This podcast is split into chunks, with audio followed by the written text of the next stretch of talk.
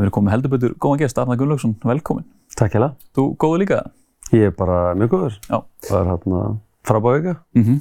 uh, byrjaði vel á, á lögatinn náttúrulega Mhm. og, og svona hefði getað að fara betur í á móti káar en, en maður getur ekkert kvartað. Mm Byrjum bara, byrjum með mitt á þessum, þessum kárleik. Uh, Jafntefli er núna 12 stigum á undan, undan 12 stig í pottinum, þannig að þetta er svona, þetta er komið en þó ekki uh, formlega. Var, var eitthvað svona, eitthvað svekkils að klára þetta ekki á í, á miðugudaginn?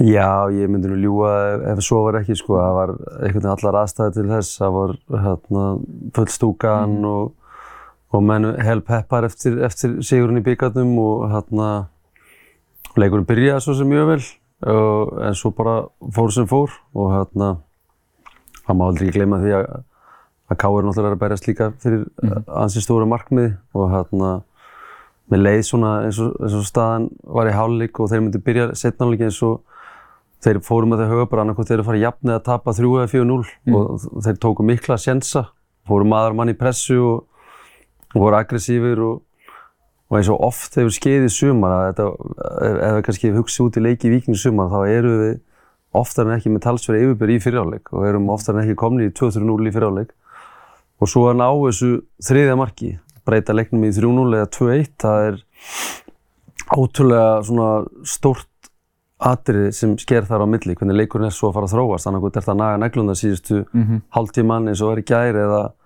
eða ert með sík og viski á kantinum og, og ert að fara að breyta 3-0 í 4-0 eða 5-0 sko. Þannig að þetta er eitthvað sem maður þurfum að að, að laga finnst mér fyrir, fyrir næsta tíðanbíl. Mm -hmm. Vera meira rúðsleis og, og ég nota oft orðalega bara svona, svona ganga frá liðum.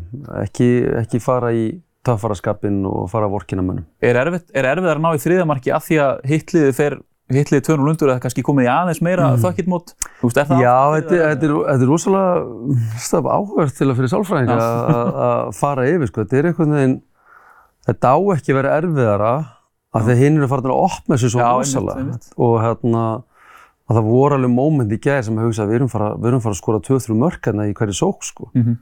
En svo að, bara kemur eitthvað svona smá atri í hausina sem þú ert ekki alveg tilbúin í að hlaupa hann að síðasta metra eða fara í þetta návi sem, sem gera það verkum að, að því að, leiðu þú segir maður og mann, þá, þá á sín einfallasta hátt, þá þarftu bara að vinna þinn mann til að vera komin í gegn, sko, þetta er ekkert flóknar það. Mm -hmm. Og í 2-0 með smá þingu eftir lögadaginn, mm. ég skil það mjög vel, sko, það er mannlegt eðli. Og búin að vera að fagna titlinum og svona þá, þá er svona, mm, ég ætla ekki alveg að fara að meiða mig í dag og, mm. og, og hann að Ég hef verið í þessari stöðu sjálfur og að ég hef ekkert að bakka mig yfir, yfir hvernig þetta gekk í gæri með strákana. Á endanum held ég það hafi bara verið mjög góð stík. Já, ef þið getið í staðinn klárað þetta á heimavelli bleika, þar að segja að það verður ekki búið að græja, græja fyrir ykkur, fyrir þann leik. Já. Er það kannski bara ennþá sætara, ef við hónum kannski á leikin í fyrra þar sem að þeir taka mótið þýtlinum mm -hmm. til leikið ykkur, er kannski ennþá sætara að klára þetta þar? Mm, já, þetta er náttúrulega skemmtileg saga fyrir ykkur fjölmjöla með sko og áhöröndur og og með hennar rík á millina fjalla en uh, ég, ég veist að þetta er það það, þetta er ekkert flókið, þetta er okkar, okkar public enemy number one í hérna íþróttilega merkingu þess orð mm -hmm. og hérna ég held líka að þeir muni gera allt sem, sem þeirra valdi stöndu til að ekki láta einhverja vinga vera að fagna á þeirra heimavalli og þannig að þetta verður bara held ég þannig sem mjög áhugur leikur, ég meina fólk er að tala um úslagkjærn og allt svo leið, persónulega fyrstur hún Mér finnst þú geggjuð. Mm -hmm. Ég meina, ég trú ekki á tilvílunar í, í fókbalta. Hvað gerist fyrsta árið eftir úrslagkernin eh, hefur hérna hóf sína veffer fá hann liðir í Evrópu, skilju. Mm -hmm. Þetta er ekki svona,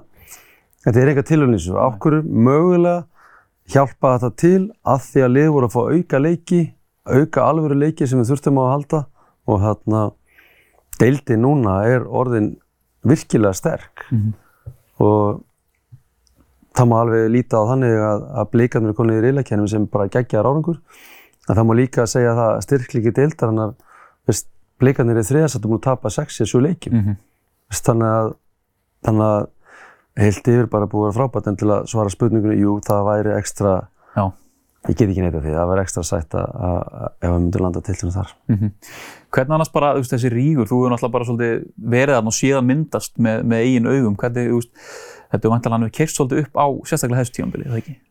Um, jú, það, það kom allt upp einhverju atvik í, svona í þessum leikjum Mhm. sem að náttúrulega þögg sé fjölumilum og samfélagsmiðlum og þess að það er svo, svo aðeins svona ítt hérna, stungi í baki á menni aðeins lengra sem bara skemmtilegt og, og þá byrjar þetta svona, þú þarfst að byrja að svara fyrir og endanum, veist, hvað þarftu, hvernig þarftu að hætta að svara fyrir og mannlegt, það er svo mikið mannlegt að eða bara líta á þetta sem börnin ykkar og eitthvað er sagt um börnin ykkar þá eru þið strax byrjuð að svara fyrir hvað við komum til þessi rosa góðu krakki og, og bara þessi dæmi eftir þennan tvötuleika þá fannst greinilega blikanum eins og það væri móment til að vera svona uh, og mögulega hef ég gert það sama. Ég held ég hef gert það sama með þess að eftir byggarleikinni fyrra sem við unnum 3-0 og þá var svona skilabóð sem ég sé ógslag mikið eftir að var ekki að fara að pæla eitthvað mikið í þeim. Ja. mann ekki finnir orða þetta að var eitthvað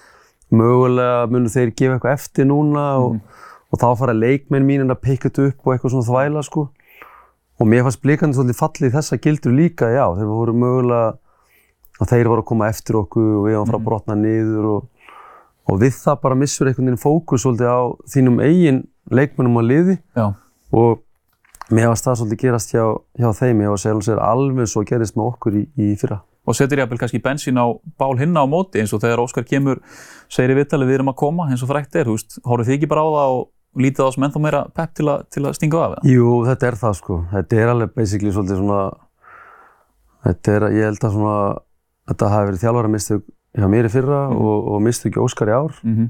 Ég skil okkur hann gerir þetta og ég skil okkur ég gerir þetta fyrra Já. og þarna, þannig að, jú, auðvitað, veist, veist það er nóg að sína þetta viðtal bara í, í, í, á fundi fyrir næsta leik bara, þetta er djóka, þetta er að leifa honum að tala svona um ykkur eða, eða, eða, eða höskuld á sínum tíma líka sem að fór í viðtal líka, það var mjög skemmtilegt viðtal, þetta var, þetta var mjög Já. skemmtilegu tími, þetta var mjög áhugaður tími fyrir alla og þetta var mikil auðlýsing fyrir hérna, fótboltan og, og deildina og, og það var til þess að þessi rígu sem var þó til staða fyrir þennan leik Mhm. var bara einhvern veginn ennþá meiri og eiginlega svolítið persónleiri líka. Veist, það var svolítið svona, umælið mátti leiki í umælið og aldrei sé jafn liðið til vikingslið og, og allt svoleið sko og, þá svona hljóðlega ertu svona á ég að svara þessu eða á ég að láta verkinn tala inn á velli og við völdum setni kostin. Einmitt. Förum aðeins í hérna byggarúslutin sem voru síðustu helgi auðvitað bara svona glæsuleg 3-1 sigur á Káa. Er, er þetta ekki svolítið þegar þeir eru mættir þarna enn eitt árið, fjóruða skiptið af fimm árum, verður þið ekki alltaf örugara bara með ykkur? Verður þetta ekki alltaf þægilega og þægilega og þægilega eftir því sem þið fara oftar eða eitthvað? Uh, jú, ég, ég held að, veist, þú ert kannski, þú ert vanur aðstæðum, Mhm. þú ert vanur kannski ákveðnum, þú þekki pressuna betur sem fylgir því að spila svona leiki og allt sem því fylgir, þú veist það eru margir litli leikir innan þessa eina leiks, þú veist, þú getur verið 3-0 yfir eftir kortir og 2-0 undir eftir 5 mínútur Mhm. og aðalatir er að missa ekki hausinn, tek bara þessi dæmi, veist, Luxemburg, Ísland, Mm -hmm. veist, allir tala um hvað það hefur verið léluleikur og það getur vel verið, ég reynda að sá ekki leikin en við vorum 1-0 undir eftir, eftir 5 mínútur. Hvað þýðir það? Það eru, eru 85 mínútur pluss uppáðutíma eftir. Mm en samt einhvern veginn mi- voru fljó, menn fljótir að missa hausinn þannig að menn þurfa að vera, við tölum mikið um game management í aðdæmda leiksins og vera tilbúinir í hvaða aðstæða sem er og, og það er akkurat það sem að held ég að við hefum fengið þá reynslu í gegnum alla þessa leiki að, að held ég sem meðvetaður um að, að hérna, það munur koma mismunandi aðstæður upp í þessu leikjum. Mhm. Það var mjög áhugaður umræða eftir, eftir leikinum að sem sagt, veðrið, að það hafi lægt á meðan leiknum, leiknum stóð. Ég var upp í boxir endar, ég tók ekki alveg vel eftir því sko, en svona káaminn sérstaklega töluð um þetta, var þetta í alvörinni taktíst eins og þau hefur talað um að- að velja að spila? Já, Já. ég hef byrjað að tala um þetta bara þrjá fyrir daga fyrir leikin. Ok, var, reynda, var Níko mikið að ræða mig af því að hann var vist ekki búin að vinna þetta einasta hlutkjær sem fyrirlið í allt sumar. Ekki fyrir hann að vann á blagamannafundunum fyrir leikin sem vann hlutkjast um hvor enda hérna vítakemnir þið Mhm. þannig að hann, hann deliveraði þetta skiptu og það skiptur þetta miklu máli. Þetta er bara hluti af þessu stríði en hvort sem að það uh, hafi orðið til þess valdandi að við unnuleikin ég, ég veit það ekki en það hjálpaði klárlega til. Það voru först leikættir sem að sem að koma okkur inn í leikin Mhm. og, hérna, og svo lægði allverulega í, í, hérna, í setnáleik. En það er líka, veist, það er svona, það er svo líka svo skemmtileg umræða þegar, þegar þetta fer, þetta fer ekkert að snúast um fótboltan endilega. Þetta er, veist, það er verið að tala um eh, hversu vikingar eru gróir og Mhm. komist upp með hluti og svo verið að tala um veðri og allt það er svona sko og það er, maður líður svona eins og að að svo margir að að hjálpast til við að, að reyna að vinna okkur, skilur ekki við. Veist, það eru alls konar lið að, að fá ráðlíkingar frá þarna, sérfræðingum í, í stúkun og þess að það sko og þetta er svo, þetta er bara heiður fyrir mig sko, þetta er svona, það er svo, mm, við þurfum bara að vinna, þetta er bara, erum búin að gera ansið gott mynda fyrir en ár og Já. við þurfum að standa saman í að segja Já. það. Þannig að eru þið að upplifa svona smátt og smátt bara út af velgengna að verða einhvern veginn vondikallin eða veist? Ekki beitt vondi kalli, þetta er meira svona, ég held- ég að, ég að allir einhvern veginn meini vel Já. og vilji bara einhvern veginn að, að þetta verði mjög samkemnishaft á Íslandi sem þetta er, það, það er drull erfitt að vinna leiki þess að deild sko. Mm En, og ég held að, ég, ég held alveg eins og blikar voru ekki 12 eða 15 stöðum betri en við í, í fyrra, að þá held ég að við sem ekki 20-25 stöðum betri en þeir í árskilur. -hmm. Þessi ég með alltaf leiðist svona að tala um að liðið sér langt best og það er svo mikið disrespect á, á hinliðin. Mhm.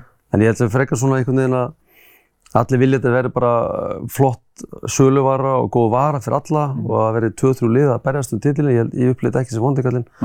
En svo, maður vill kannski stundum fá bara svona, þegar að tala um, og það kemur inn á hlutu kannski ykkar fjölumörmanna og, og fleiri sérfræðinga, að þegar að tala um að við yngar svo gróasta lið og svona, Mm. að bara tjekka aðeins bara á tölfræðin, skilur, bara svona að því við erum grjótharðir, ég vil ekki meina að við séum gróir og svo koma staðrættir inn í þetta, við erum bara að fá fæst gulspjöld á okkur í deildinni, Mhm. eh, við erum eitt af þeim liðir sem bara brjóta uh, minnst á okkur, alls konar svona aðrir, þannig að, að svart veri ekki allt í hennu hvítt, skilur ekki Mhm. við, þannig að þetta sé svona, að þeir, svona umræða hefur kannski áhrif á dómara Já. og þá fara hlutnir að falla gegn okkur þar og alls konar svoleiðis aðri. Mhm. Það er kannski svona aðri sem að kannski ekki byrð pyrra mann, en það er svona, nei, þetta er ekki erið satt og enn og aftur á, á ég að koma að svara fyrir það, mér finnst það einhvern veginn, Mhm. þá er ég alltaf að væla, skilu, frekar bara að þið svari fyrir það. Ég held að þjálfarinn þurfa að gefa sko, fjölmjölumönnum passvort að þessum væskátt skýslum því að þær eru greiðilega dýra fyrir fjölmjöla. Er það málið? Já. Ok. Og skal láta ykkur fá aðgangi Já. hjá mér, það er. Það er fullt af áhugurum atriðum í þessu, bara svona, fyrst að núna ég er að nota þennan vettvang til að koma skilabóðum til framfæri, að við til dæmis erum með, held ég, einna flestu snertikar inn í vítateg, Mhm. samt bara búin að fá, held ég, eitt eða tvö víti. Já. Og þar, á- þar á að annað víti var bara ekkert víti. Já. Þannig að eh, spara í, í leiknum í gær, ég meina, Elli var bara bodycheckað til dauða, þannig að Mhm.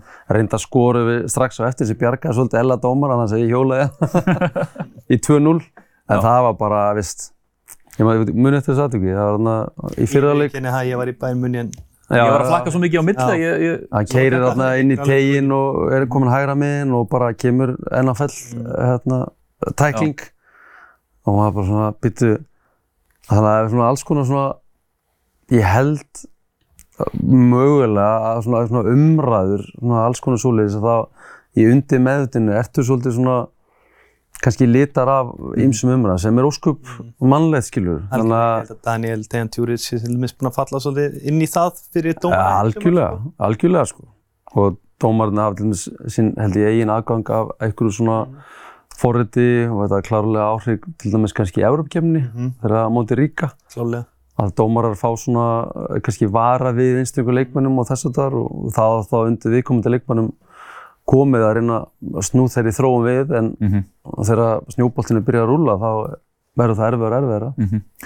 Eitt bara á hann sleppum byggarúsleirinn, það var tjús hitt í stúkunni eftir leik. Það var eitt boltastrákur, var þetta ekki hann, það voru boltastrákur á vegum beggja liða. Er þetta ekki alltaf svo leiðis eða? Mm, ég veistu það, ég bara veit Nei, það. ok, jú, já. það er- Já, ok. Það var allavega eitt vikings boltastrákur sem að, hann var alltaf svolítið lengi að gefa Mm. Boltan og ég hefði svolítið bara gaman að því sko, smá, smá bandir en hann var að fá alvöru hita Já, á það. stúkunni frá bara fullorðnum bara káastuðin í Já, ok, sko. ég tók ekki eftir Nei, og ég, mér blöskaði hann á smá hann í restina sko, hann Já, sem var að segja, það var svona tíu ára þessi strákur sko. En hérna, það var svona, fekk hann að heyra það bara. já, fekk algjörlega að heyra það sko. Við vorum alltaf bara farnir ef að boltstrákur og blikar voru yfir í Galanda. en þetta var bara smá, smá útútur. Herðu, förum aðeins bara í tímabili í heilsinni, auðvitað miklir yfirbörri í, í deltinni sem komin á hann. auðvitað ætluðu að vera meistarar, það var markmið en er þetta ekki samt fram að björn þessu vonum bara hversu langt þið er á undan? Mm, jú, eins og segi, sagði það áðan, sko, ég held að sé ekki 20 stað munur á, á, á milli þess að liða, sko, og hérna, og Valur er búin að vera greiðlega sterkir líka. Ég held að það sem kannski hrjáð Val er svona taktleysi, það verið langt á milli leikja og, og, og þess að þar. Mm -hmm. Svo hafa stjarnan verið á, á, á mikilvæg siglingu, FH, reykjala skemmtilegur. K.U. líka hefur komið, svona, ég ætla ekki að segja komið óvart, en að það komið kannski óvart hversu sterkir þessi ungu leikmenn sem er fengur til liðsins Mhm. hafa verið. Þannig að ég held að við þurfum að ve- vera svolítið varkárir í vetur að halda að við höfum ekki verið svona rosalega aðeinslega, sko, því að allt hefur ekki verið alveg perfekt. Við, höfum nokkur aðeins sem við þurfum að stórbæta okkur í til að verða ennþá meira samkynnsæfara og ég svona líta á þessa úrslitakefni þannig að þú er, þú ert svolítið að fara að drepa vantarlega contentest niður á næsta ári, til dæmis segjum bara stjórnuna, ég meina að versta, minnst versta við stjórnuna er að þeir trúa því sjálfur hvað þeir eru góðir, skilja hvað við, þetta er svona skemmtileg, Svona, ég myndi segja að strákarnir litlu væri svona, þú veist, er þeir eru svolítið líka þyrtir á góðan hátt. já þetta er orðið svolítið köll bara og þeir eru flottir og þeir bara trúa því sjálfur og eru að fara að vaða í öll lið og svoleið sko, þetta er svona lið sem við þurfum bara, þurfum bara, þurfum að drepa þessa hugmynd í fæðingu sko, og þannig þessi úsleikinni fyrir mér er ógslag mikilvægt på það að gera að það væri svo súrt að- að að- að fara úr henni kannski vinnandi mótið með kannski eitt eða tvö eða þrjú stig og tapa þreim leikjum og ná tveim játtöpu eitthvað svolítið sko að þá er þetta að senda skilabóð til hilla liðilega að við höfum ekkert verið svona rosalega góður og gefum séns á fyrir, fyrir næsta tíðanbíl. Mhm.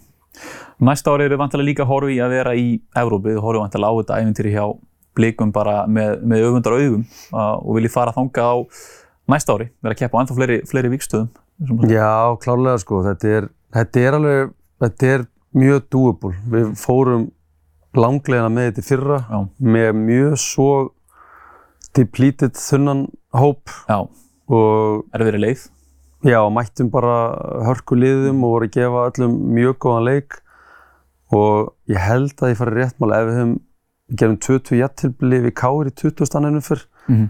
mistum við tölunum fórskót eins og ég ger og þannig að ef við minnum það leik ég held að við höfum fara að fara úslinkennum með 60 að muna milli sérst Víking og Breiðabliks og þá voru við inn í þessum Európa-kennum Já. voru konið úsli byggar þannig að ég vil meina að þetta er alveg hægt og hérna ég skil og ég, ég, ég myndi leta þessi orð falla og mikið hleyja mér eftir tíðanbili að mér fannst tíðanbili fyrra actually að mörguleiti betur heldur en unnu tvöfald ára undan Mhm.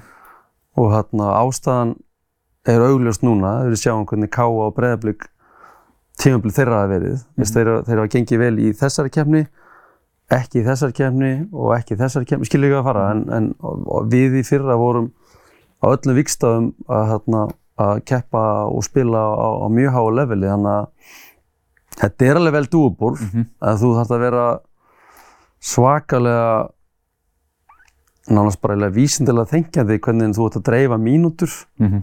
og alls konar svoleiðis ennin hérna, spekin og væskátt það er að koma ykkur á væskátt.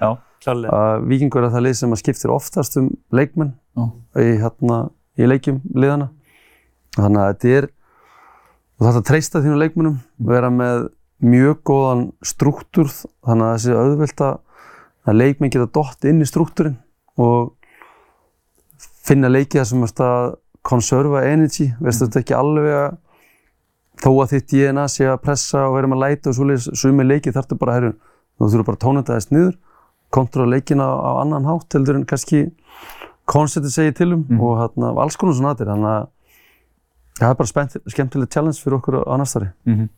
Við vorum alls konar bara pælingar í og Keli um bara starfið og svona á baku tjöldinu ykkur vikingum og meðal annars Keli vorum bara í rekrútment til dæmis. Mhm. Vilt þú, vilt þú koma?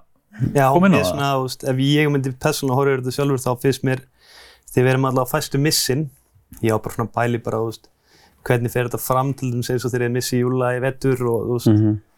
er þið klárir með plan, er það eitthvað sem að kemur í kjölfarið og þú veist eru leikmennir sem eru að sækja kannski þú veist, er að ákveða það mörgum mánuðum áður og svo framvegis?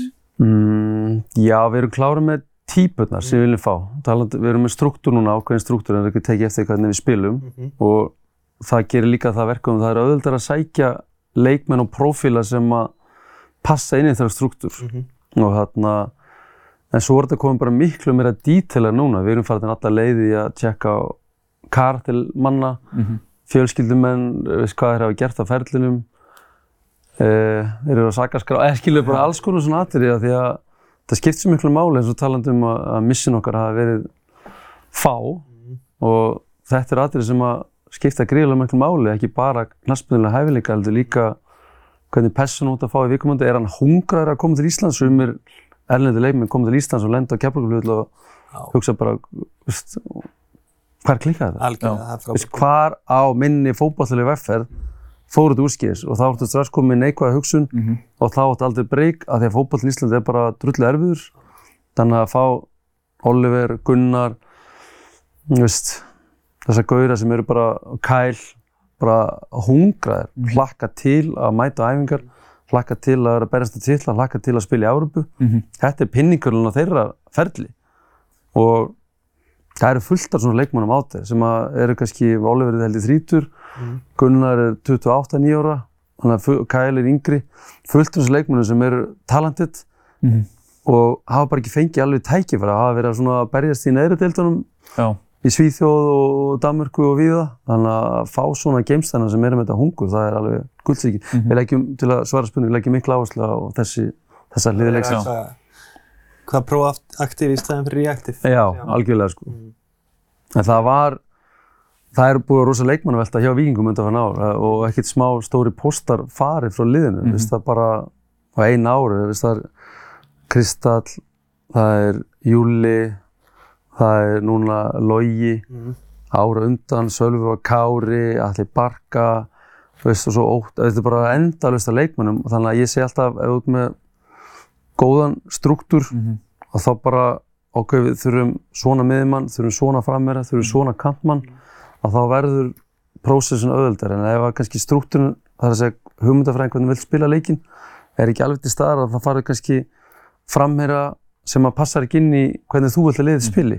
Og þá byrjar að lendi í, í vesinni Mm. þannig að þeir struktúrun skiptir öllu máli, ekki, ekki, semst, ekki chaos. Já, en þeir eru farin að sjá fyrir ykkur þá langt fram í tíman eins og þið vitið að logi fer á einhvern tímapunkti og veist, hinn og, hinn og þessi þannig að þú veist, þið eru alltaf í rauninni fram í tíma farin að undirbúku fyrir lífið án, án þessara leikmanna, Já, það var ástæðan líka við, við vildum ekki að Logi færi frá okkur. Við sáum fram að allir myndi fara Já. og þá var Logi tilbúinn. Og núna, veist, það er það er erfitt að finna típ eins og Loga sem að er uh, þannig að þessi þriðji hafsendi í uppspili en getur samt bombað fram á við og verið þessi dýnamíski leikmann sem er í sóknarleik. Þetta er greiðlega erfitt að finna svona leikmann. Þannig að mögulega þurfa að breyta eitthvað aðeins til þar, fá aðeins öðruvísi típa af leikmanni og hérna án þess þó að, að kompensata mikið fyrir að, að missa struktúrun okkar. Við erum búin að við erum búin að skora núna í þessum fjóru leikjum sem Logi hefur, hefur ekki spilað, við erum búin að skora 8-11, við erum búin að skora 13 mörg sem er allt í lægi, en það sjá allir að við erum ekki með sama flæði Nei, í, í leikliðsins. Þannig að veist, við erum ekki búin að tapa henni leik, en þetta er ekki búið að vera perfect. Þannig að það er challenge á næst að við erum búin að prófa ímislegt sem að gengur að gerast þegar þú missir leikmanna á miður tímanbili og liðir í þýlingu takti. Þannig að þetta er eitthvað sem við þurfum að, að spá og spekula í að, hérna, að leysa það, ég vil ekki segja vandamál, en, en, en leysa þá stöðu fyrir, fyrir næsta tímanbil. Hvernig er eins og bara á, á baku tjöldin, þú ert með Kára, þú ert með Sölva, eru menn alltaf, eru menn alltaf sammála um, um svona skrefin, skrefin sem á að taka, það er mikið, mikið debatt? Mm, já, það, sko, það er mikið debatt, Já. en þegar ákvörðunum er tekin þá er allir sammála og allir eru að rói í sömu átt, það, er, það er engin spurning, en það álíka að vera þannig, það eru sterkir karakterar hann inni, þeir tveir og, og svo er leikmannaráðið og, og stjórnin og menn hafa skoðanir og menn skilja uh, konceptu okkar núna, frá því tókum þessi ákvörðu fyrir þrem ára síðan að, að fara þessa struktúrsleið og, og hafa allt undir kontról, að þá þá skilja menn þetta alveg Mhm. og held ég að svo náttúrulega verð, gera það, að það verkum að þú kannski velur oftar, oftar réttu leikmenn en ekki Mhm. að þá kannski færðu meira leverage þegar þú tala svo á næsta leikmanna þegar þeir eru tekist áður að, að velja réttu leikmenn en þetta er alltaf listi, segjum bara þessi tíman listi af einhvern ákveðin leikmanni. Við narram hann niður í þrjá. Mhm. og það getur vel verið að viðst, það voru til tveir aðri jakkóða leikmenn og Gunnar Vatnamar en hérna við völdum hann af einhverju, einhverju ástæðu. Mhm. og, og þannig verður þetta með næstu leikmenn líka. Næstu prófíli sem okkur vantar. Við hefum vanta fleiri, hérna, fleiri varnamenn núna Mhm. og, hérna, og þá er bara að leita og sami, og sami prófíl eða sama, sami prósess fyrir gang Mhm. Eitt annað með, hérna, með hæðinu liðinu, mjög háaksilið, er það útpælt eða er það eitthvað sem að, sem að gerist bara? það er ekki um orðað þannig ef það eru tveir jafngóður í fótbolta og annar er 10 cm stærri þá vel ég þann góður sko. Ok. það er bara vera í einhvern veginn í Európa-keppni og vera á göngunum og, og sjá liðin stilla sig saman maður líður einhvern veginn betur ef að menn eru Já. svona en ef þú ert með Messi, ég myndi alveg taka Messi sko, ég er ekki að segja það en bara þetta er einhvern veginn svo eru líka fyrstu leikar þess að skipta svo greiðum miklu máli og bæði varnarlega og sóknarlega og þessi, þessi, þessi physical þáttur, þessi fýrfaktor Mhm. og hérna þannig að já, ég get ekki neita því þetta hefur smá ári, sérstaklega kannski þannig að baka til þetta er við talandu struktúr versus chaos sko, þegar, þegar sitt í ákveður að fara í sitt mótel að vera með bara alvöru varnamenn sko. Mhm. Veist, það er þetta, þetta mínumandi, og ég hata að segja þetta sko, ég hata að tala um þetta við Kára og Sölva sem að dásama varnarleikin út í eitt og, og þetta er bara samtilega hárið þetta, án sterks varnarleiks að vinnur ekki raskat sko Mhm. og, og það er svo erfitt að kenna leikmanni að verjast. Það er Já. miklu auðvitað að kenna leikmanni að, að gefa sendingar og fara inn í ákveðin svæð og þess að það sko. Þannig að byrjum á að fá alvöru varnamenn og svo kennum þeim hvernig það á að spila í staðin fyrir að fá fótboltamenn og kennum þeim að verjast. Það er samkvæmt minni reynslu að það er bara mjög örfitt. Mhm. Er bara, þetta er bara artgrein, þetta er bara listgrein að. Að, að verjast. Þá langum að leiða inn í annað sem við vorum að velta okkur fyrir okkur. Kári kom nú inn á þetta bretti landsleikinu móti Luxemburg. Við höfum ekki verið í yngjörflokkastarfinu og ja, hvað sem veldur nægilega góði að búa til hafsenda. Hver er þín skoðun á því? Bara til dæmis. Ég held að sé að rosalega mikið svona úslita orientated í yngreflokkunum og hvað gerist leikmann sem er stór og sterkur og fljótur. Hann er spilar frammi eða miðunni og er jafnvel áttið spila þannig svolítið lengi, alveg, alveg upp í þriðaflöngu, þangað til að líkanlega þátturinn jafnast út og þá er mögulega að fara að pæli, já, herru, mögulega kannski verður hann aldrei mistrásleikmaður sem framveri en kannski frábær hafsend. En þá er hann kannski búinn að missa kannski 2, 3, 4 ár í development sem, Algjörlega. sem varnamaður og hérna og þess vegna aftur er að tala um þetta, þetta city model að mögulega eru aftur miðveru komin í tísku það er að segja tísku að vera miðveru, tísku að vera varnamaður, tísku að kunna spila út frá vörn og allt þetta sem því fylgir. Þannig að kannski verður viðsnurungar á þessu núna. Við vorum til þessum ungan leikmann hann að Sölvi mm, Sölva sem að fór til sem fyrir til hérna, AGF í, í Danmarku.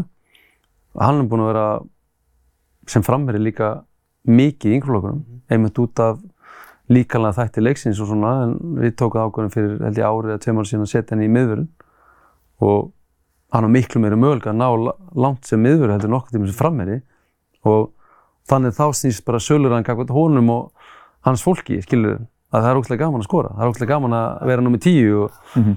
og, hérna, og stórsendingar og mörg og svoleiðis en þannig ég held að þurfum að kannski að, að reyna að, figure it out með stöðu hvað henda viðkomandi leikmanni er hann þrátt fyrir að segja að dommen er í yngri flokkum sjá hann fyrir okkur kannski sem varnamaður í, í framtíðinni Mhm. Svo ég þurfum jafnvel líka bara að leita í skilur leikmenn sem eru kannski ekki að gæða miklir en eru með hæð og þeir eru með Já, alveg svo niður leikmann líka. Snöggir, algjörlega sko.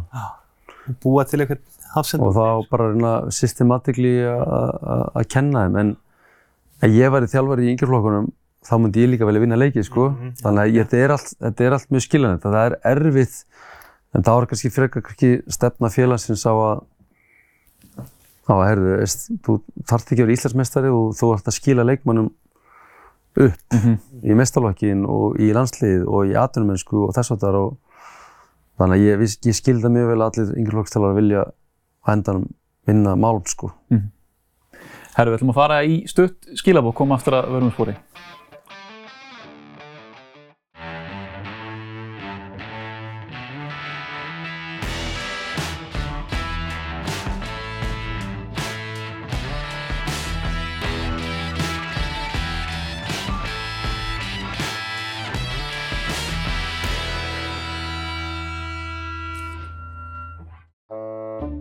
Happa, óhappa.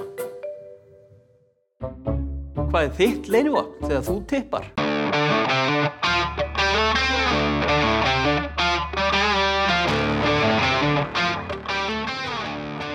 Það held ég, velkomin aftur að skjánum gott fólk. Við ætlum að fara í fréttir vikunar og þetta var, Kjeli, við höfum síðastæri fréttaviku. Mm, það verður bara að segjast. Klálega, það var, og að lítið um eitthvað bitastætt í þessari viku, sko. Það var einmitt fínt að fá Arnar en einhvern rættið hann í hálftíma um, um, um viking og, og fótbolta og svona, en byrjum samt á þessu. Glótis Perla er hún fyrirliði bæði munn hér og skrifandi nýjan samning. Mhm. Líka bara geggju vika fyrir hana. Flott Algjörlega. kynningamömbandi hjá henni maður. Mjög flott. Mm. Þetta komið smá orð. Ég held hún myndi mögulega að fara að pröfa eitthvað annað. Ég ætla ekki að segja eitthvað stærra því að það er ekkert stærra en bæinn munni. Ég bjóst kannski að hún fari í Líón, Barcelona eða að fara í ennsku deildina sem er bara mikill, Mm -hmm. mikill uppseflu núna. En hún held treyðu að hægur og bara fyrirlið og ég skil hana mjög vel. Og þannig fekk hún bara eins góðan, góða launa eitthvað hægt er sko. Já, ég trúi ekki öru. Trúi ekki öru. Uh, annað í þessu, við höldum okkur, já, Svava Rós, hún skipti yfir Mm. frá Gotham til Benfica. Fekk ekkert að spila henni í bandaríkjunum, þetta var eitthvað mjög skrítið. ekkert spila í Fraklandi heldur. Nei. Og hann er fyrir umbúr að spila. Já, hún er svona mikilvæg fyrir íslenska landslið. -hmm. Heldur betur, uh, Greenwood spilaði fyrsta leikinn sinn og þannig að hann fekk heldur betur slæm viðbröð frá stuðnismennum Ósasúna og kannski við því að búast bara. Já, ég held að þetta verður bara svona, hérna, ég ætla ekki að segja út ferilinn, en, en það verður mikið af þessu. Þetta er náttúrulega, það lenda, held ég, margir af leikmönnum í svona aðkasti frá, frá stundismönnum, mm. anstæðingana og þannig er það bara. Já. Og ég held að hann hafi vitað það sjálfur.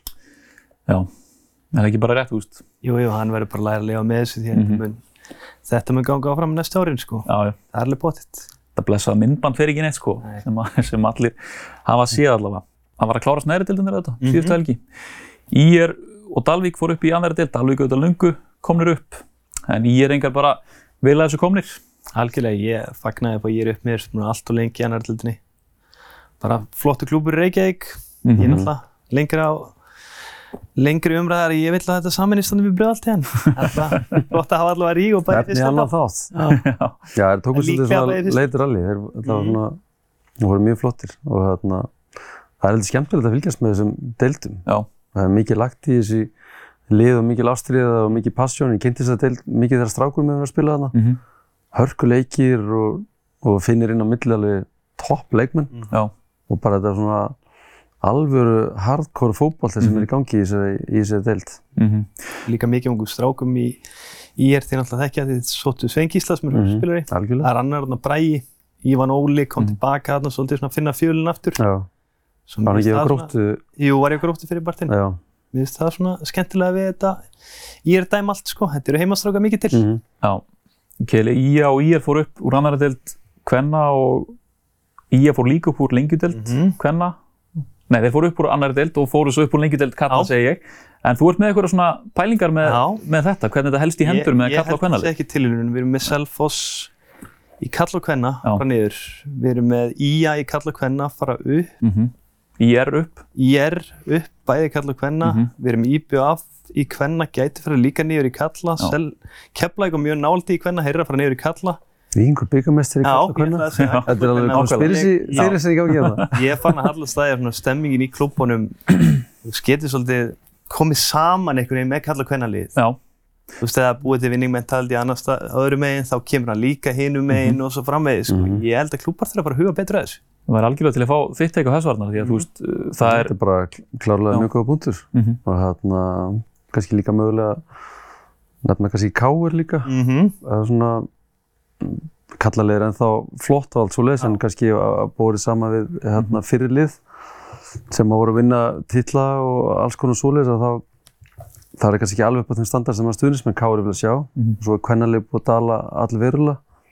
Þannig að ég held líka á þessum tímum sem að loksins eru í dag að, að, að stjórnir félagana eru farin að hugsa mikið um Mhm. kvennalið og bara eins og ég tek dæmi bara í víkinni það er alveg greiðlega ástæð lagt á, á Já. kvennafótboltan þar og, og bara þá tekur bara, er bara miklu skemmtilegur og betra fyrir félag og samfélagi ef að bæði kallalið og kvennalið eru er í HM höfð. Já, ég rætti þetta með við hérna John Andrews, þjálfara kvennalands einhvern tímann í, í sumar og, og hann talaði bara um að þú veist, þær horfðu bara klálega á ykkur sko og hvað þið voru að gera og það hjálpaði þeim bara, þetta er bara ákveðið svona winning mentality bara í félaginu sem er búið að myndast og hjálpa Já. báðum, báðum liðum sko. Já, ég þekki það mjög vel frá tímamennum á Skagan sko, Já. þegar maður var í yngri flokkunum að horfa stjórnunar í, í mestarlokkunum, mm. verið inn að titla og maður mætti æfingar og var að fylgjast með þessu og þetta smítast þetta í allt félagið og Mhm. bara, veist, yngri flokkastarfi núna og, og líka bara maður sér andlitið á ungu leikmennu þegar stjórnuna þeirra er að byrtast á æfingarsvæði eða fyrir leiki og þess og þar og þannig einhvern veginn allir er farnir að taka þátt í þessu. Mm Síðasta í fréttabakkanum er að rannsóknarmáli Alberts Guðmundssonar er lokið og komið á borð á bara eins og tölum í síðustu viku þá fer þetta sína leiði í hérna, kerfinu og kannski lítið við, lítið við það að bæta. En hérna skautum yfir í landsleikina framöndan hjá stelpunum Kelly Wales núna svona um það bil sem við erum að tala hér Mhm. og Þískaland á mánudaginn, ekki satt, tveir ólíki leikir, Algjörlega. Svona, ég held að þetta sé vesti tímabundur að mæta Þýskalandi því það er voru náttúrulega hræðilega á HM sko, Já. bara Mhm. urðið skammar, samkvæmt þjóðurum. Vils er bara lið sem eru uppleið sem aðna eiga leikmenn í ennskúrúsleldinu á flera sko. já, Ég held að vera bara tveið, tveið ekki leikir, náttúrulega ný kemni verið stelpunar, það er aldrei tekið átt í þessari þjóðdeld sko. mhm, Og mögulega svona svolítið eins og bara strákan í byrjunni, ég held að það ekki smá tíma að skilja þessu kefni og svona mikilvæga hennar. já. Maður er einhvern veginn trúur ekki örnum þessi jákvæmt, maður hefur oft, það hefur oft verið svo stór úrslit í hvenna, hvernalansleikim, mm Mhm. 10-0 og eitthvað svoleiðis, en þjóðadildin ætti einhvern veginn algjörlega að út, að útrýma því sko, Mhm. fá jafna leiki milli jafnara lið, þannig að þetta hlýtur að vera jákvæmt. Já, algjörlega. Ég, maður tók maður tíma að taka þjóðleitina svolítið sátt. Já. Og hún verður mín uppáhaldskeppni núna ef við komumst í EM í, Mhm. í gegnum hana. Þannig að ég held að sama verður upp Mhm. Er persónlega þá, að það er svo er mikil aðdáðandi þessu úrvarsdeildarann og þýskudeildarann og, laga líka og þess að þar. Þessar tvær vikur stundum þegar landsleikja hlið er, maður er bara svona, getur þetta verið búið? En maður langar svo mikið að deilda að byrja aftur Já, og þarna þannig að það er bara mitt svona, persónlega take Mhm. á, á en auðvitað þegar, þegar íslenska landsleir að spila alltaf er maður stoltur og, og fylgist vel með og, og þess að þar þannig að þetta er gullið tækja fyrir, fyrir stelpunar að að setja margsetta á nýja keppni mhm. heldur betur. Ég rætti mitt við Karolínu Leu, líkil konu í íslenska liðinu og ætlum að sjá hérna bróð úr því viðtali. Það er Karolína, tveir dagir í leikina mútið Veils, hvernig leggst þetta í ykkur? Uh, við erum bara mjög spenntar. uh, þetta er sterklið, þetta verður hörku leikur. Um, en það eru auðvitað eins og ómörglið með veika punta og, og við munum reyna að gera upp fyrir leikinn hérna á móti finnum og löðarsöllu og gera betur en þá. Þannig að hvernig svona leikur heldur þetta verði á föstudaginn? Um, ég held reyndar að þetta verði frekar lokaði leikur. Það vill enginn tapa, það fer enginn í leik til að hérna, tapa. Við förum í ína leik til að ná þrjú st þrejum stigum og, og, hérna, og við munum nýta okkur þeirra veikleika. Mm -hmm. Þjóðadeildin er þetta ný keppni, bara svona hvernig, hvernig leggst í því að hún sé tekin upp kannar megin líka? Ég veit ég skil þessu keppni ekki neitt, um, þannig að ég þarf eitthvað að fara að kynna mér þetta betur. En, Mhm. en ég er típa sem fer bara inn í, inn í alla leiki og teka eitt leiki einu, þannig að Mhm. þetta er mjög spennandi og við erum í hörku riðli, þannig að þetta verður bara mjög gaman. Annars alltaf er gaman að koma og hitta stelpunar í landsliðin. Já, um, við erum allar bestu vinkonur og, og það er alltaf einhvern veginn breath of fresh air að koma henni inn í hópinn og, Mhm. og svona bara, já, góður andi. Mm Bara aðeins að félagsliði, Leverkusinu, þetta tímabilið nýfarið að stað, bara hvernig leggst tímabilið? Herru mjög vel, um, fengum smá skell í byrjun, um, kannski ekki léttasta liði til að mæta í fyrsta leik en, en það er gott potential í liðinu, um, margir sterkir leikmenn og, og gott þjálfarateimi þannig að Mm -hmm. ég er bara mjög bjassin. Þú ert að ferða á, láni frá bæinu, væntalega markmiðið að verða bara, líkil maður og fá sem mestan spiltíma þarna. Já, klálega. Um, ég er með háleit markmið og, og, hérna, og mér líður bara mjög vel á nýja staðnum, þannig að Mhm. já, bara mjög okkar. Gilva, hún það rétt í lokin með hérna frændaðin Gilva sem er að snú aftur á, á völlin. Þú veit að um daginn að þið langaði að sjá hann aftur á völlinum og nú er þetta að rætast. Hvernig leggst því að þessi komið til lengi? Ég er ótrúlega stolt, uh, get ekki beðið eftir að sjá hvort að hann hefur eitthvað glemt. Uh, hann, ég held að hann geti spilað á föstudaginn, um, þannig að það væri mjög gaman að, að sjá uh, hann á vellinum og það væri hrikalega, uh, ég væri hrikalega stolt frænka. Mm. Það held ég, strákur, hún kemur inn á hann í lokin, frændendur auðvitað, gilfið sig og, uh, útlitt fyrir að hann sé að snúa bara aftur á völlin á allavega allra næstu, næstu dögum og vonast ekki bara að sjá hann í landsliðinu í, kjölfarið þarna eða? Jú, klálega. Ég held að það er svakalegt afrik á, á, á þessum aldri að að byrja aftur í aturmanna fótbolta að því að sko þú getur verið á, á hlauprættinu í, í, í tvo daga og hlaupið það en leiðu fyrir fótbolta þessar litlu reyfingar og þess að þetta er bara drullu erfið íþrótt og þá byrjar að meiðast og fyrir að togna og alls konar svona dæmi þannig að ef að hann nær það level að geta spila í sem bara dönsku úrstöldinni og að spila landsleiki Mhm. það er mjög merkilegt afrika að mínum mati og vonandi texta. Mm Algjörlega. Þetta ekki sammála þessu gilið, eða? Jú, ég er bara, ég er búinn að hugsa út í oft bara hvað ég er spenntur og sjá hann bara koma inn á og eiga bara einhvern veginn fyrstu snertinguna sína. Já, Mm Það er sem ég er mjög spenntur fyrir. Algjörlega. Það er örgulega mögulega sem kannski heldur hann ganga, þetta Já. vissjál að vera á lögutsvelli Mm. eða í aturmanna fótbolta að hérna, fá þessa tilfinningu aftur og það er hann örgulega fengið hann að smá hjá val þegar hann var að æfa þar Mm og talaði um hversu erfitt það var, ég held að hann að miðst á á fyrsta æfingu. Já, Við örgulega farið frá með sjálfur sér, það verður svo gaman. já, Þannig að bara geggja ef hann, ef hann fengjum að sjá hann aftur á lögutsvellinu. heldur Ég held betur. líka að þetta sé eftir að higgja betra, ekki segja level, bara betri staðu til að byrja á alveg. Sko, hann byrjaði nú í Íslandi, fyrsta leikur var all, það er alltaf mætt 2000 manns. Mhm. Það kom einhvern veginn inn á að spila sin fyrsta leik í því Mhm. umhverfi, þú veist, þekkjandi örgulega sko 50% stúkunni eða eitthvað. Það er verið einhvern veginn allt öðru Ég held að Já. þetta sé Já, það. þetta er frákvæmt umhverfi sem að Já. Freysi er búinn að byggja hann upp og, og hann er að tala lengi og vel við Alfreð sem að fór við að svona kickstarta ferilin sinn aftur og það gekk mjög vel og hérna, að vera líka með þjálfara sem maður getur lappað til og það eru coach, mér, bara, mér líður ekki alveg nægilega vel í dag. Því, við, við gerum ráð fyrir þjálfara, allir vilja æfa og spila. Mhm.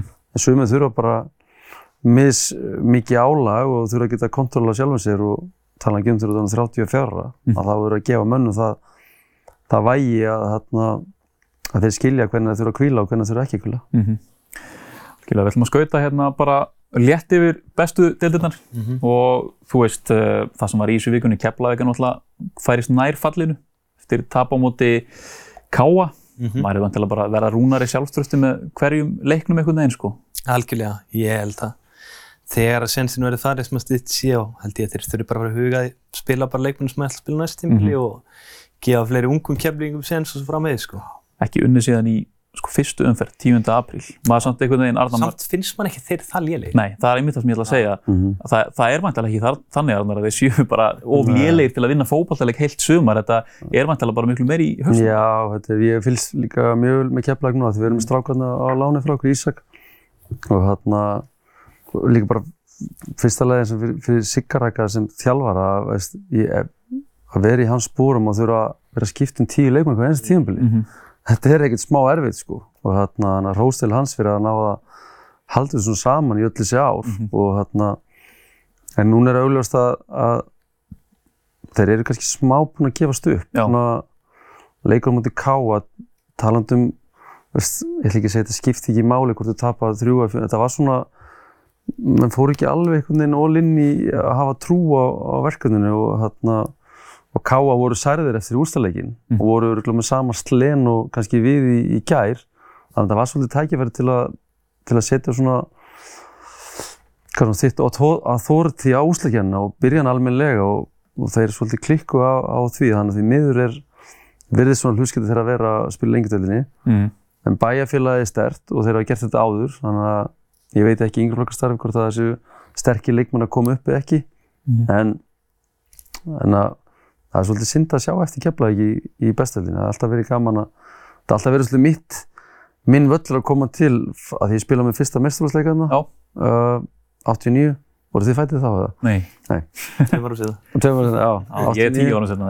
og síðan þá hefur þetta alltaf verið einhvern veginn svolítið minn völlur að, að koma til, gengi vel hana, oft skora hana og unnið og þannig ég mun sakna það mjög mikið. Já, skilja, annars er þetta hörku fallbarátt, þetta eru þrjú liðu þetta í þessu íbjöða fram fylgir. Já, það þarf mikið til að háka á sógist inn í það held ég. Sko. Já, ég held ekki. Þeir eru of, of góður. Já, Það er að ég hallast að falli. Já. Það er svona mín tilfinning. Mér finnst fram á fínu flugi núna og fylgismenn finnst mér einhvern veginn bara vera lið sem er svolítið, hvað segir maður, vel rútinera Já. og hann að Mm, Já, Eiga ég, verið ég fleiri held stig ef en- IBF hald, þarf að halda sér það þurfa að taka heimaleikin. Já, Það þarf að vera þeirra, þeir þurfa bara að búa til ykkur eins og orðið að skemmtilega, bara gamla góða eiga geðviki Já, og hérna mm, virkilega keira á lið þar. Það, það verður svolítið meikið og breykut fyrir hvort þeir að halda sæti sinni deildinni eða ekki. það er fram um helgina mér sér. Það verður hjútsleikur. en það myndi gefa þessari kenningu þinni byrjundur báða vengið eða falla með hvern og kallilegin. Já, Já, þetta er svolítið er gaman að að gerast með framluna. Það er ungi leikmenn að koma upp og, og vera að spila og fengi tækifæri sem er bara frábært. En samanskapið fyrir þá að fara til eiga, þetta er, þetta er öðruvísi þetta er, þetta er bara, þetta er stórkvæmst að koma að spila leiki. Það er, stúkan er raflenda hægri vinstri í eiraðir og, og hemmi klikkar á línunni og, og þetta hefur allt áhrif. Já. Þetta er svolítið svona, ég var að hóla Galatasaray, hérna, kaupanum í gær. Mm Þetta er svona, þetta er ekki náttúrulega þannig andrúslof, en þetta er svona hostile. Já, Og fyrir unga leikmenn að koma hann inn, þetta verður mjög mikil prófsteinn á, á fram að, að úrslitum þar. Mögulega ertu með 20 metra á sekundi í fangi fyrir það, með það í setni og þetta er kunst að spila þarna. það voru einu leikinir í fyrra sem var líka skemmtilega að horfa á án lýsanda sko. Já, maður fekk alltaf bara stemningun í stúkunni í aðeins sko. Herðu, algjörlega það var eitt svona stórt í bestu kvenna í vikunni að Breiðablík tók stórt skref í átta Europasæti unnuðu þetta stjórnunni og hoppuðu upp fyrir þær já, það er vissilega nú eftir að bregðablík þegar ég var eftir til mis. Já, En þetta var stort bara upp á held ég bara hausina um að gera sko. Það Já. er náttúrulega ekki vinni heil lengi og hafa eiginlega bara eftir að vikingur vannaður í byggarúslinu og hafa þær bara verið mölbrotnar sko. Mhm. Bara valla náða að krafsa upp úr því sko. já Múnandi bara gulli ná að skilja með Europasæti. Herðu við ekki hjóli í meistaradeldina hérna í, í lokin Arna, þú ert United maður eða ekki? Þykist auðvitað það? Ég er búin að breyta, nei, ég, veist, ég, ég vest í United stundismann heima því ég elska City og elska Liverpool, með Já. það er náttúrulega bara glæpur sko, Já. en jú, ég er, ég er United maður. Það var hérna Bayern í vikunni svo sem United beit, beit frá sér eða leið á, 4-3 en en við kannski förum í bara fyrir að fara eitthvað endilega í þann leik bara svona það sem hefur verið í gangi á þessu tímabili Erik Ten Hag, kollegiðin heldur hann sé, húst, rétti maðurinn í, í þetta starfa? Það er rosalega erfitt að segja til að mér finnst alltaf vesinni sem fylgir United síðustu ár hefur ekkert með að gera með þess að gerast þannig vellum, það er alltaf alltaf utan meina, hugsið bara vandamáli sem hann er búin að, að díla við frá, frá hann tók við liðinu. Bara alls konar svona vesin hinga og þanga, það er Ronaldo, það er Greenwood og það er Sancho og Antoni? Antoni og... En er þetta ekki, hérna- þú, þú komst inn á áðan, þú veist að þið horfum rosalega mikið í karakter en ná í leikmenn, er ekki rosalega skrítið að þetta sé ekki Jú, reynu hjá ég ætlaði að koma. Já, Þar já. við, við þurfum einhvern veginn að syngja saman, ég og hana, þess að ræða saman hvernig, nei, nei, þetta er, ég efast ekki um að, að rekrútmyndi sé líka þannig á þeim, Já. sko. Þetta er, veist, hann alltaf þekki líka Antoni frá Mhm. tíma sem Ajax og, og Sancho og allt þess að ég, þeir, þeir pottit eru með profíla og, og þeir eru örugglega búin að tjekka á ruslatununum hjá viðkomandi í húsum á þeirra sæna þá. Já, En svo bara aftur það, það sem ég get gagnið til Júna það, það er engin struktúr Mhm. hvernig, hvernig spila liðið útskýri fyrir mér í tveim setningu hvernig, hvernig Júna spilar Hugmyndu það. nákvæmlega en útskýri fyrir mér hvernig liðið spila hvernig, og hvernig City Já. spilar bestu liðin hafa struktúr það er chaos á United það er bara algjör chaos hvernig þeir spila þannig að hvernig player recruitment er búið að vera síðasta ár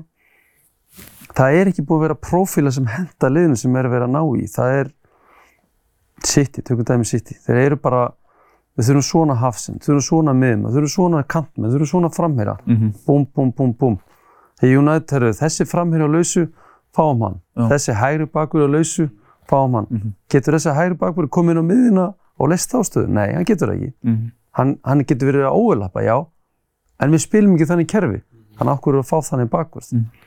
alls konar svona dæmi sem að pyrra mann út í eitt og sérstaklega slándi tala sem ég sá í síðustuga að er búin að eigða mestum peningi allra liða í heiminum Já. í, í leikmannaköp Mm. þannig að og við erum svo alltaf að væli yfir gleysi, það getur vel verið að þessu ömulur eigundur allt það og þeir eru örugglega bara að lesa þennan lista betur, erum við ekki að eigða peningum einhver eða þannig að að einhverjum tíum þarf svolítið frangvöldastjórin að því núna er líka fullt af leikmenn sem hann er líka búin að velja sjálfur Mhm.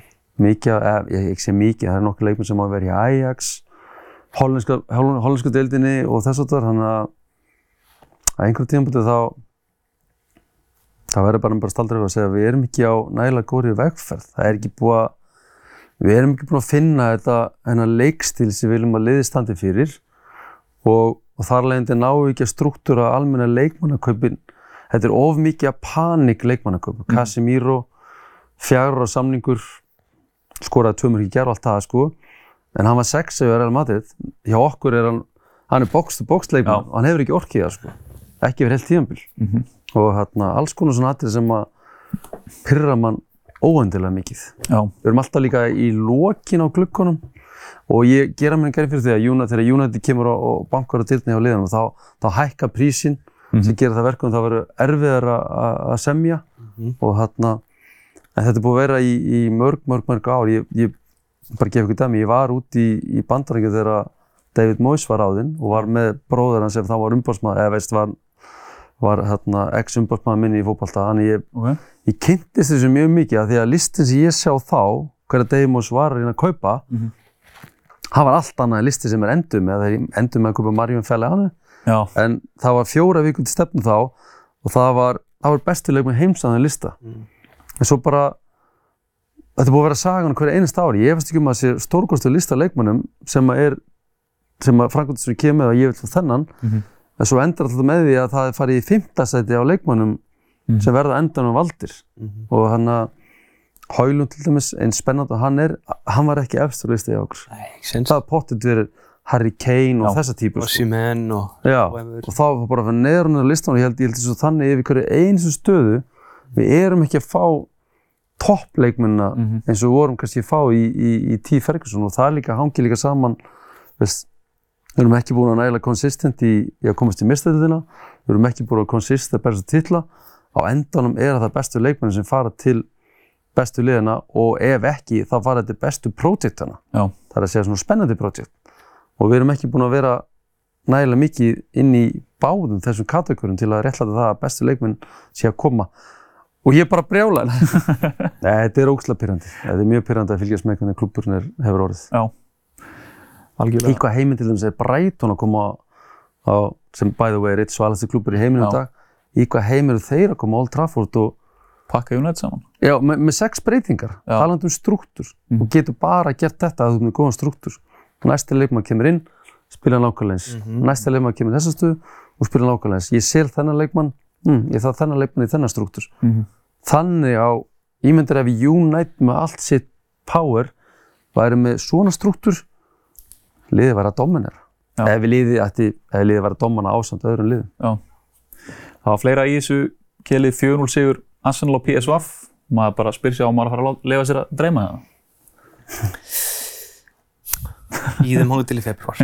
Þetta er svolítið munur þá. Þú veist, það getur verið konið nýja leikmenn og fleira. En þetta var öllum, En þetta var samfælandi. Ángrís, ég held að sé lag á að taka mestralöldin, já. Já.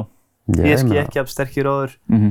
Real Madrid, þeir eru góðir og er alltaf Real Madrid en ekki af sterkir áður. Mhm. Þeir eru langt frá það sem ég held En Arsenal er líka með frábæran struktúr, frábæran struktúr og frábært hvernig þeir rekrúta leikmenn. Mm. Þannig að þeir eru eitt af þessum þrejum, fjóru liðurum í heiminu sem bara eru búin búin að skilgrina sig Mhm. og þá verður lífið öðuldara. Það var eitt svona sem að tók eftir fyrir leika, bara mikið í umræðinni, það er markvarðarstaðan hjá Arsenal, úst, hann var með ræja í þessum leikum átti PSV og Ramsdale á bekkin svolítið brútal af því hann er búin að vera með í þessari uppbyggingu sko, mm. úst, Ramsdale alveg frá byrjun, en hann er búin að tala um svona allt þetta, hann talar eins og þessi ekkit mála rótir af markmönnum. Hver, hver er svona þín, þín skón á, á þessu? Ég er bæði sammálunum og ósammála. Þetta, þetta eru er stór fulli náungar þessi markmenn sko. Þetta er, ég skilða mjög vel þegar, þegar þú ert með eitt dominant nummer eitt og sterkar nummer tvö sem Já. veit að hann er nummer tvö.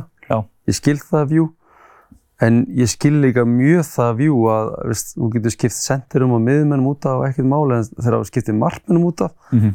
þá er það bara, heyrðu, blaðmannagreina sko. Já, Það er, það er mjög erfitt að átta sig á hverju það er en hafandi verið með, vinnandi með markmennum og þess að þetta núna og, og verið lengi í boltanum þá skil ég mjög þetta vjú að, að það er dominandi nummer eitt og sterkur nummer tvö. Mhm. Það er, að mínum að þetta er það betri leið heldur en að rótera. Já.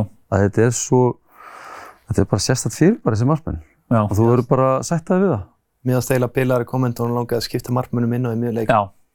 Það er myndið að koma inn á það líka. með eitthvað sem ég bara aldrei heyrt móður sko. Hann þorði því ekki bara. Myndi út af bara umfjöldinu. það er bæði snar bíla komment en líka geggja komment ég, ég hugsa sko það er að hugsa hvort, hvort hann er snillíkur eða madman Já. en í raun og veru er allir snillíkar svolítið madman sko. Já. þannig að þetta er svolítið svona algjörlega þetta, þetta, þetta helst í hendur sko. Ég hugsa alveg sko ef við værum með ramstel í markinu og það hitliði var að dæla krossum þá held ég að væri bara snilt að setja á að dræja inn á því að hann er miklu betri fyrirgjöf. Já, ég með að- í hvað háum var, að, var að hollendingarnir skiptið markmann í vítakefni Jú, þegar við komum að vera betri í vítum þannig að auðvitað að, að sem er skemmtilegast þetta pælingar að fólk er að hugsa út fyrir bóksið Mhm.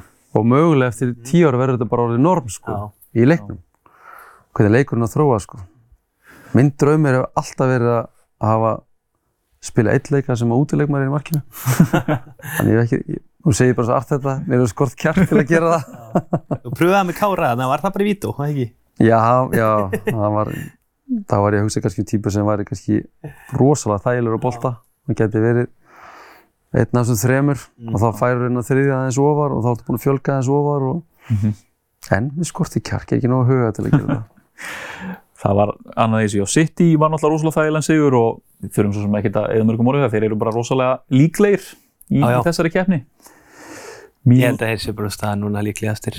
Þetta er bara vél, eða þeir hafa verið vél en hvernig, hvernig, að ég veit ekki. Ég dýrk hennar klúb sko, Já. ég má ekki segja það. Þetta er samt bara, þetta er bara, þetta er bara okkar mótel, ég veit ekki það alveg, Já. þetta er bara okkar mótel. Bara ef, ef að klúbur vill verða alveg klúbi, Mhm. hvernig er hægt að gera þetta? Og fólk talar um peningar, jú, auðvitað skiptir það máli, en það eru bara 20 leikmenn hjá City, það eru þúsundir leikmenn um allan heim sko. Mhm. Akkur er velja þeir þessa leikmenn? Okkur velja hér Jeremy Doku til dæmis. Já, Já. Akkur, akkur er velja Núnes og akkur er völdur þennagur og hingurinn og veist, þeir kaupa ekkert endilega dýrustilegum, akkur er völdur til brúna sín tíma, þetta er svona alls konar atrið, þetta er bara allt útpælt, akkur framlega þeir unga leikmenn sem er selja fyrir grilljónir? Og maður aldrei heyrt nöfnið þeirra. Mhm. Þetta er orðið bara svona, þetta er orðið brand í heiminum, þetta er orðið, þetta er orðið Gucci fótboltans. Já. og, og leiðu og það sá stimpilli komin á því þá það ertu bara orðinu dýrari og betri og kant betri fótbolta. Bara í lokinu, þú talar um að þú voru hort á hérna, FCK, móti Gala. Orri á, á bekknum en þú veist, uh, bara eftir það sem þú séð þessum leikmanni, hljótum að geta svona leift okkur að dreyma um að þetta verði strækirinn okkar í, í framtíðin í landsliðinu. Já, ekki spurning sko, við hefum verið að býja eftir svona þessari, þessari kolben típu Mm -hmm. og greiðalega flotta reyfinga hjá honum og með líkanlega sterkur og hefur bara markanef. Hann Mhm. alltaf, ég sá hann, uh, var, fór til Skotlands og voru undir 19 liðurspilu við Skota og hérna, og þau frökkun líka. Mhm. Svona reyfingar hans og þess að þetta var bara first class. Mhm. Þannig að jú, við getum látið okkur dreyma og hérna, hann er að þróast mjög vel Mhm. og er að fá stór stök núna með, með skömmu millibili en kannski hann óraði ekki alveg fyrir og kaupanöfn er bara geggjaða staði fyrir hann til að vera í núna Mhm. og bara þó hann hafi, og þó þetta var svolítið brútal að vera tekin út að það gæri eftir nokkra mínútur en, en bara að fá að koma inn í svona andruslót og fá að Já. kynnast þessu og það mun ekki gera neitt annað en gott á hans ferli. Herru, við ætlum að fara hérna næst í lengjuseðilinn, langskotu og döðafærið í bóði lengjunar og með að við erum þar áður þetta minni á að við erum líka í bóði bóla og svo pingpong einnig. Mm En Kili, langskotu og döðafærið, hvað ertu með fyrir okkur í, í dag? Heyrðu, ég er með tvo skemmtilega sæla, Mhm. erfið helgi samt, en svona er þetta stundum í þessu fótbolta, sumar helgar er erfið aðnarar. Byrjum á döðafærinu, það er Manchester City, mínus tveir á móti Nottingham Forest, ég held þið salti á bara, mjög aðast, Nottingham Forest vikuna á móti börnlega ekkert vera sérstakir sko. Næ. Heyrðu, svo er ég með Burnley Manchester United yfir 2,5 mörg, 1.51 í stöðull. Það var 1.97 ef ég kom ekki inn á mínus 2 á Manchester City. Mm -hmm. Heyrðu, og svo undir lokinu er ég með þína menn Arsenal á móti Tottenham 1,62. Þetta gefur mm. heildalstuðul upp á 4,82 sem er nú bara heldur góðu stuðul fyrir döðafærið þar að segja. Já. Algjörð. Heyrðu, svo langskoti þá er ég bara með mjög klassískan 1x2 seðil bara. Ég er með erfiðasta leikin sem er Chelsea Aston Villa. Mhm. Það er allir bara að setja Aston Villa, 3,46 í stuðul. Ég heldur að vinna þá bara. Á það- brúnni? Já, mér finnst ég- bara það slækir. Já. Ég er með Liverpool 1 á móti Vestham 1.36, Brentford 1 á móti Everton 1.69 Mm -hmm. Ég held að Wolves þetta sé leikur sem þeir verða að vinna þú veist, þeir hafa verið fínir í upphæði tímbil sem núna verða þeir að fara að segja sigur það er á móti Luton, Já. 2-0-6 og ég held þótt að vera mörk í Manchester United Burnley að Burnley Manchester United þá vinna Manchester United á endanum það er 1,64 Burnley hafa líka verið bara í erfileikum á Turf Moor með þessi bestu liði síðustu ár sko. Hvort sem þú sé Liverpool, Tottenham Manchester United, Arsenal, City name it, þeir Mhm. eiginlega tapa alltaf sko. algjörlega, þetta er þetta svelarnir. er, já, og þetta er stöðl upp á 26,87 fýtt stöðl fyrir langskotið Já, hólkið á þetta. Heldur betur, ég held að við séum bara nokkuð tæmdir. mm -hmm. Bara Arnar, algjör heiður að fá þig. Takk fyrir, Takk fyrir komuna. Keli, þakka þér fyrir að sitja hérna að vanda og þakka ykkur þetta fyrir áhorfið. Þangað til næst, verið sæl.